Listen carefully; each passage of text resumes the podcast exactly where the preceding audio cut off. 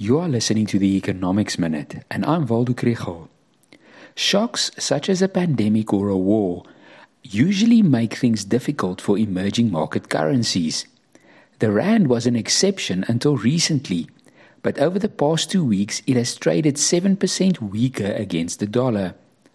After Wednesday evening's interest rate hike by the US Federal Reserve, it traded below 16 Rand against the dollar yesterday and closed at 16 Rand and 4 cents. So, what can we expect next? The exchange rate strengthens when foreigners want to exchange their dollars for rands to pay for our commodity exports or to invest in our financial markets. So far this year, the rand has been kept strong by high commodity prices and a good return on South African debt instruments.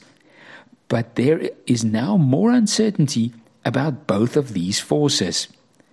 Commodity prices have been in decline over the last year.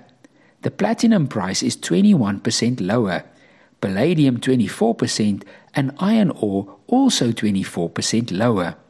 The price of coal did rise by 74% in 2022. Russia's invasion of Ukraine and the sanctions against Russia that followed restricted the supply of certain commodities and supported prices. But slower growth in the rest of the world, and especially in China, could mean that these prices might fall further. This will weaken the rand.